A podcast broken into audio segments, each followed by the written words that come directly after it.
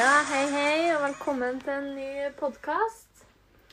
Ja, hjertelig velkommen til Kort fortalt. Og I dagens episode skal vi gjøre greie for viktige hendelser i den norske historien som gjorde Norge til et eh, selvstendig, demokratisk land. Ja, fordi Perioden mellom 1814 og 1905 har jo i stor grad vært med på formen av Norge vi ser i dag. Grunnloven, som 112 delegater vedtok i 1814, la jo grunnlaget for en splittelse av unionen med Sverige. Og det skulle likevel ta 91 år før Norge kunne kalle seg sjøl selv selvstendig. da. Før 1814 så ble Norge styrt av en dansk eneveldig konge. Og, og i dag da, så ser vi at Norge er et av verdens mest demokratiske land. Eh, hvordan og hvorfor fikk vi denne utviklinga?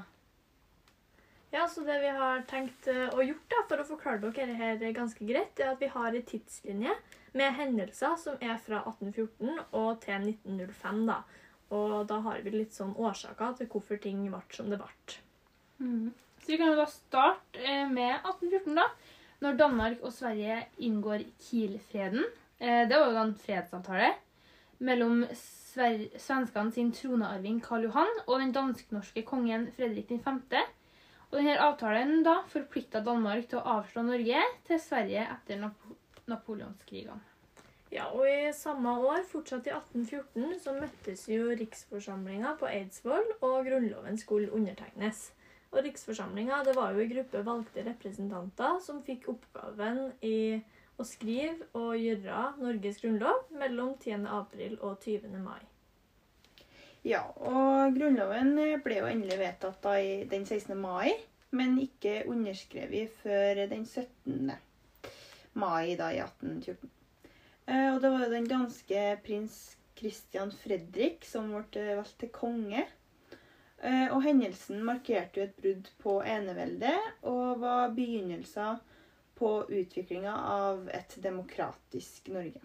Ja, fordi Norge erklærte seg jo selvstendig fra Danmark i 1814, som Andrea sa. Og de oppretta i tillegg da, et eget norsk forsvar.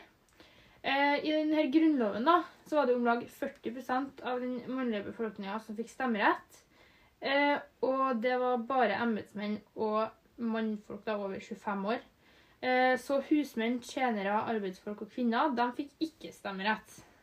Ja, og I grunnloven her så var jo folkesuverenitet, maktfordeling og trykkefrihet tre av de viktigste prinsippene.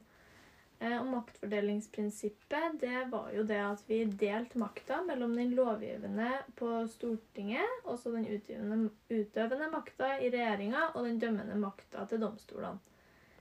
Eh, og Dette er jo et veldig demokratisk prinsipp, fordi at ideen som ligger bak, den balanserer eller den begrenser makta til hverandre, sånn at makta ikke samles på én plass, da, eller til én person. Mm Eh, Etter at Grunnloven har vært vedtatt, eh, så godtok ikke Sverige det norske kravet om selvstendighet. Og allerede i juli så brøt Sverige forhandlingene, og de gikk rett og slett til krig imot Christian Fredrik. Eh, og Christian da, og han er her, lederen av hæren innså jo fort at Norge ikke kom til å vinne krigen. Så de gir jo da opp etter to uker. Eh, ja. Og de legger da igjen under Sverige.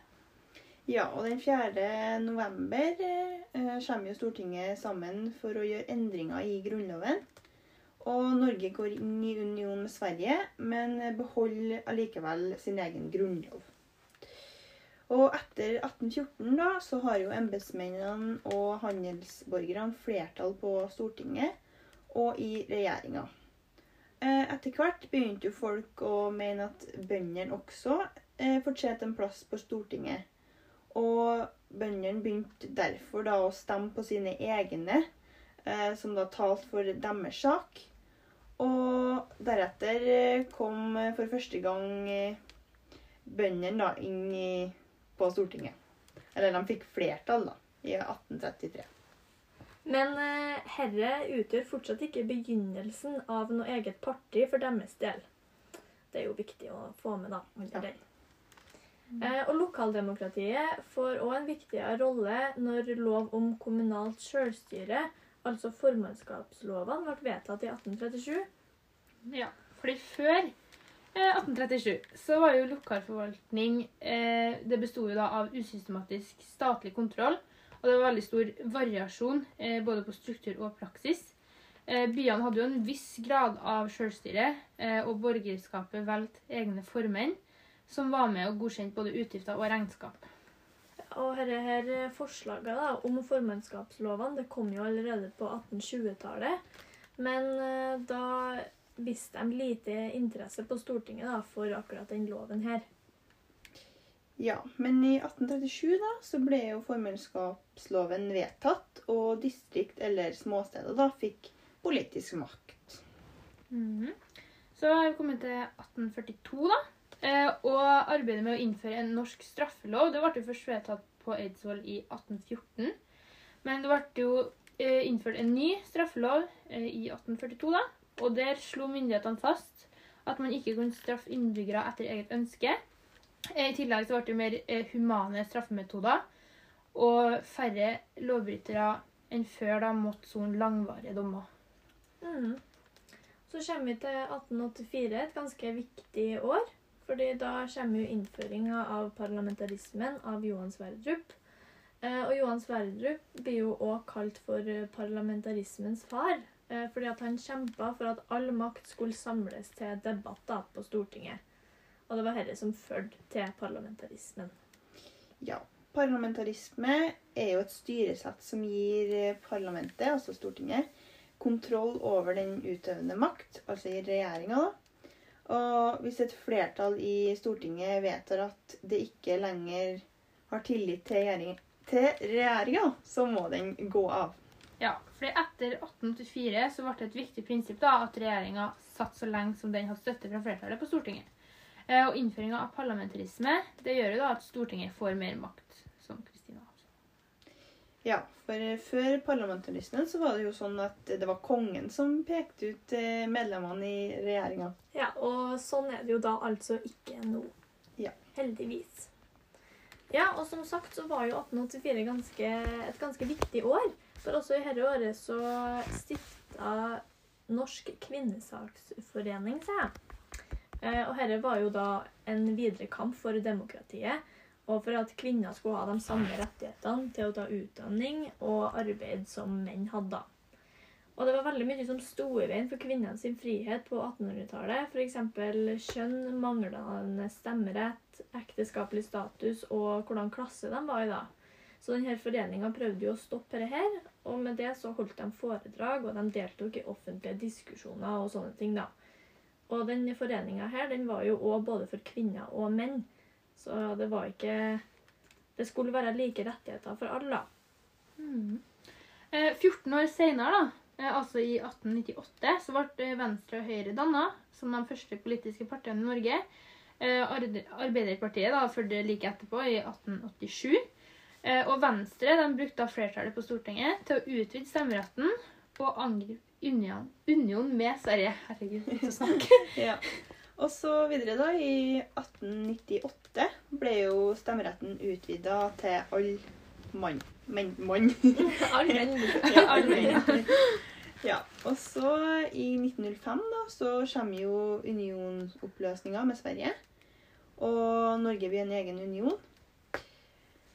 Ja, Og det var jo denne striden da, om et eget norsk konsulatvesen som til slutt førte til denne oppløsninga.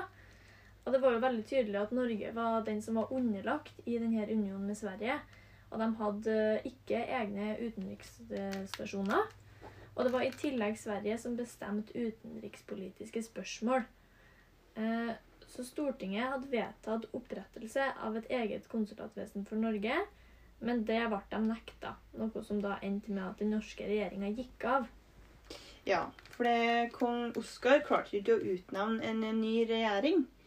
Og det å utnevne en ny regjering, da, det er jo en av de viktigste oppgavene kongen hadde. Eh, og siden han ikke klarte det, mente Stortinget at han ikke lenger var Norges konge, og at eh, unionen med Sverige dermed ble oppløst. Ja. Og kroninga av kong Haakon og dronning Maud i Nidarosdomen året etter da, det ble et symbol på at eh, arbeidet ved å løsrive Norge fra unionen endelig ble helt ferdig. Og så er det jo sånn at Norge valgte å ha monarki som styreform. Mm, Dette skjedde jo i 1905, da. Og det er jo her eh, hovedpunktene våre på en måte ender, eller den tidslinja vår. For vi skulle jo ta for oss 1814 til 1905.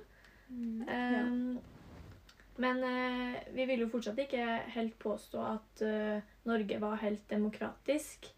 Nei. Og akkurat sånn som det burde ha vært. Det var det jo ikke ennå. For det var jo ikke før i 1913 for eksempel, kvinner fikk eh, stemmerett. Det er jo veldig viktig. Ja, det er jo veldig viktig for demokratiets skyld at eh, denne eh, kvinnekampen fortsatt pågikk. Sånn Ja. at eh, kvinner fikk de samme rettighetene. Mm. Vi ser jo det at den Det var jo i 1913 at de fikk det òg, så det var jo liksom når Norge fikk være alene og styre litt sjøl, at ting skjedde, Ting, ja, det var da ting begynte å skje, og. Mm. vi fikk jo landsorganisasjoner og sånne ting i tillegg. Ja, flere partier kom jo etter Ja. hvert. Krigen satte jo selvfølgelig en liten stopper for uh, politisk aktiviteten, da, men Mm. det kom jo etter hvert. Ja, Det var jo først etter krigen, da, når Tyskland ikke lenger regjerte, at Norge endelig fikk fortsette å fokusere på seg sjøl og den politiske utviklinga av demokratiet, som allerede hadde kommet så langt.